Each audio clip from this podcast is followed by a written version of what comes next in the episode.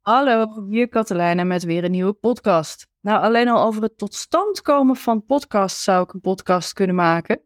Want uh, jeetje, wat ben ik uh, alweer weken uitstelgedrag aan het vertonen en allerlei interne stemmetjes die uh, zeggen, ja, maar dat is helemaal geen interessant verhaal en dat niet en dat niet. Hilarisch toch? En van de week kwam er iemand tijdens een opleiding naar me toe en die zei, wanneer ga je nou weer een nieuwe podcast opnemen? Want ik heb ze nu allemaal gehoord en ik wil graag een nieuwe. En nou, kennelijk was dat het duwtje wat ik nodig had. En vervolgens uh, plopte er gisteren een verhaal in me op. Uh, dus ik dacht, daar ga ik een podcast over maken. En ik had hem al grotendeels in mijn hoofd. Maar ik had geen tijd om hem daadwerkelijk op te nemen.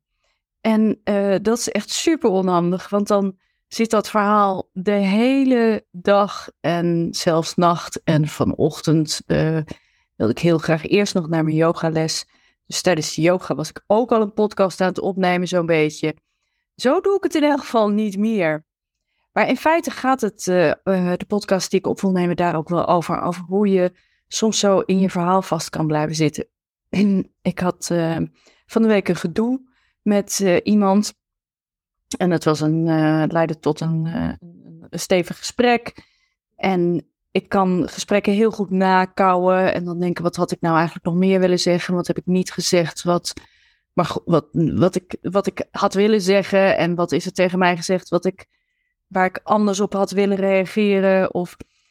En hoe dat dan bij mij werkt, is dat ik dan een heel strak lijntje krijg tussen uh, mijn hoofd en mijn lijf. Mijn hoofd die allerlei, ja, nog zit na te kouwen, argumenten bedenkt, uh, dingen uh, opnieuw uh, als, als een gesprek afspeelt. en mijn lijf die daar dan, ja, letterlijk buikpijn van krijgt. En dan zou je denken, stop daarmee. Maar dan krijgt mijn buik letterlijk buikpijn. En dan is er ergens in mijn hoofd een stemmetje zegt, dan heb je er gewoon nog niet goed genoeg over nagedacht. Dus dan begin ik gewoon weer opnieuw van binnen, met argumenten op een rijtje zetten, met uh, het uh, verhaal herhalen van binnen. Met als gevolg dat ik nog meer knopen in mijn buik krijg. En dan krijg ik zoveel knopen in mijn buik dat mijn, uh, mijn buik het echt niet leuk meer vindt. Bij mij is dat in mijn buik. Hè? En toevallig, het is wel weer grappig, want ik vertelde aan, aan mijn jongste, die altijd heel geïnteresseerd is in, in ons vak van mij en Richard ik ook vaak hij twaalf gesprekken over heb, over allerlei modellen. Dat ik weer een podcast in mijn hoofd had. En uh, toen vertelde ik dat dit onderwerp, nou, dat vond hij interessant. Toen zei hij, gaat het dan altijd in je buik zitten? Waarop Richard zei, nee hoor, bij mij zit het in mijn bovenbenen. En toen ging hij zo nadenken van, waar zit het dan in mijn lijf als, uh, ja, eigenlijk spanning. en bij de een gaat dat in zijn buik en bij de ander in zijn nek en bij de ander in zijn bovenbenen.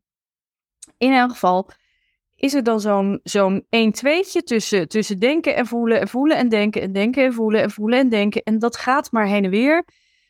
En uh, het is een soort mindfuck dat je brein denkt, als ik maar lang genoeg dat loopje heen en weer blijf doen, dan gaat het een keer over, dan kom ik eruit. En ik zeg dat is een mindfuck, want volgens mij hebben we allemaal de ervaring wel dat je eigenlijk alleen maar dieper in de shit raakt. Oftewel, je gaat steeds meer gedachten creëren, waardoor je steeds meer die, ik die knoop in mijn buik en die andere die spanning in zijn benen of die vaste nek gaat krijgen.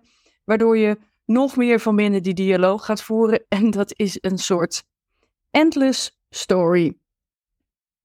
En uh, voor de mensen die de vlieger kennen, uh, dat is dus eigenlijk een loopje tussen uh, het linkerdeel, neocortex links, en onderin het voeldeel waar je tussen heen en weer gaat. En parallel aan dit proces moest ik ineens denken aan uh, toen ik een jaar of twintig was. En je denkt, dit is weer een andere verhaallijn, maar het komt bij elkaar, echt waar. Toen ik een jaar of twintig was, toen zat ik niet zo lekker in mijn vel.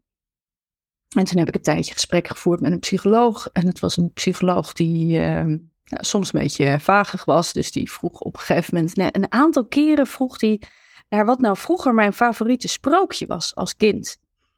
En ik heb hem echt elke keer echt extreem glazig aangekeken. Want als ik ergens niks mee had, was het wel met sprookjes. En dat is wel grappig, want sommige mensen hebben heel veel met verhalen en sprookjes en metaforen. En ik had er helemaal niks bij. Dus ik heb geen favoriet sprookje. Het is niet dat ik zo enorm geboeid was. ik, ik, ga niet eens, ik ga ze niet eens opzommen, want ik heb er niks mee. En nu weet ik dat dat eigenlijk best wel uh, heel logisch is. Want verhalen, sprookjes, metaforen, die zitten allemaal in een ander deel van uh, de vlieger, namelijk in het visuele deel, in neocortex rechts. En in dat deel zat ik te weinig, kan ik je vertellen, als kind, als uh, tiener, als jongvolwassene. Uh, met verrek te weinig, zeg maar gewoon niet. Ik woonde in mijn, uh, het hoofdkwartier, neocortex links. En had geregeld zo'n 1 2 met het lijf. En dat was een negatief loopje, kan ik je vertellen. En dat is niet heel gezond, maar dat is een andere, andere podcast. Dus ik dacht, oh ja, dat is. En, en ik heb tegenwoordig veel meer met dat visuele deel van het brein. En er kwam in de afgelopen weken ook één verhaal bij me op. Dus ik dacht, dit, met dit verhaal stop ik het gedoe in mijn hoofd. Nou, eigenlijk is dat dus de charme van dat visuele deel van het brein. Want metaforen en zijn altijd sowieso abstract. En het visuele deel van het brein wil altijd in oplossingen denken, in mogelijkheden, in wat kan er wel. Dus op een zeker moment kwam deze metafoor in me op. En uh, ik ga hem zo meteen uh, voorlezen, want hij komt uit een uh, boek van iemand. En instant kreeg ik een soort rust. Ik zeg, ik ga hem zo meteen voorlezen. Zal ik hem gewoon nu voorlezen? Met dank aan de allergrootste verhalenverteller in, nou niet in de wereld, maar in het land van persoonlijke ontwikkeling en groei. Er zijn natuurlijk ontzettend veel mensen die verhalen vertellen. Ik denk, uh, een, een van mijn. Het is niet een voorbeeld, maar mensen vergelijken mij wel eens met Joep van het Hek. Want dan heb je het idee: zijtakje, zijtakje, zijtakje. Komt er ooit nog weer eens een rode draad? En die komt er uiteindelijk altijd weer. Dus er zijn heel veel mensen die werken met metaforen, met beeldspraak. Maar wie Veenbaas doet dat in de context uh, persoonlijke ontwikkeling en groei. En dit is het verhaal waar ik aan moest denken toen ik zo in de kluts zat tussen argument op een rijtje, argument op een rijtje, rotgevoel, rotgevoel, denken, dan moet ik mijn argumenten nog een keer op een rijtje zetten. En zo zat ik in dat loopje. De zeilmaker. Het is lang geleden dat er in de grote oceaan tussen vele eilanden een prachtig zeilschip voer. Dat zeilschip met kapitein en bemanning was aanvankelijk een vrachtschip, maar in de loop der jaren werd er naast vracht hoe langer hoe meer mensen vervoerd.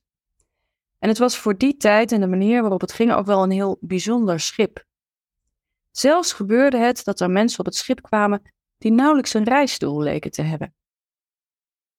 Aan boord van het schip was een zeilmaker en op sommige momenten, vooral s'avonds als het werk aan boord voor die dag geklaard was en de zeilmaker rustig zijn pijpje stopte en in de luwte ging zitten, zochten mensen hem op, bemanningsleden en passagiers. Hij zat vol verhalen Mensen vroegen hem veel en elke keer als ze hem vraag hadden gesteld, vertelde hij een nieuwe ervaring, een nieuw verhaal. Niet alleen kon de zeilmaker goede verhalen vertellen, hij kon mensen ook prettig hun verhalen laten vertellen. Zo gingen avonden en momenten van rust als in een zucht voorbij. Soms vroegen ze hem zeilmaker: hoe komt het nu dat je van die fantastische verhalen weet te vertellen en dat mensen er graag naar luisteren en je komen opzoeken? En de zeilmaker, iets wat verlegen, mompelde verschillende dingen. Soms altijd over zijn contact met de kapitein en zijn goede band met de stuurman. En een keer vertelde hij over alle bijzondere mensen die hij ontmoette. Maar een andere avond zei hij, ach weet je, het is met verhalen net als met zeilmaken. Je hebt er als zeilmaker voor te zorgen dat zeilen op tijd gedroogd worden, daar waar nodig gerepareerd, dat ze ook hun eigen plek krijgen Bovendien heb je ervoor te zorgen dat zij van goed materiaal zijn en dat ze in overleg met de kapitein en de stuurman goed gebruikt worden in de wind. En wellicht het allerbelangrijkste voor een zeilmaker op zo'n prachtig schip in de omgang met de zeilen is: overtuig nooit. Ik vertelde dat, uh, dat onze jongste het zo interessant vindt, die podcast. En ik vertelde over dit onderwerp. En ik keek hem aan, want onze jongste is een blij ei. Dus ik dacht, jij hebt dit eigenlijk nooit, hè? Dat loopje tussen links en onderin. En toen dacht ik, oh ja, dat heeft hij dus wel. Want we zitten midden in de toetsweken stressritis van, ik heb er eentje in de brugklasse en eentje in de tweede. De knoop van binnen van, ik moet dat vak doen, ik moet dat vak doen, ik heb dat nog niet, ik heb dat nog niet gedaan. En het doet nu ongemak in mijn lijf. Dus ik ga nog beter bedenken en nog beter plannen. En nog meer in die neocortex zitten. En dat doet nog meer pijn in mijn lijf en daar raak ik nog meer gestrest van. Dus ik vertelde hem dat en hij moest wel een beetje grijnzen. Lieve mensen, ik ga met een uh, heel erg lekker en ontspannen gevoel het weekend in. Het was weer een weekje van, uh, ja, prefrontale cortex dus. Dat je zo in een kluts kan zitten en dat je op een gegeven moment denkt, ah, ik heb meer punten op de vlieger. Dus ik heb het visuele brein weer een beetje ontdekt. En die prefrontale cortex, die zegt, wat ben je nou aan het doen? En is dit wel handig? Geniet van het mooie weer. Heb een fijn weekend. Tot de volgende keer.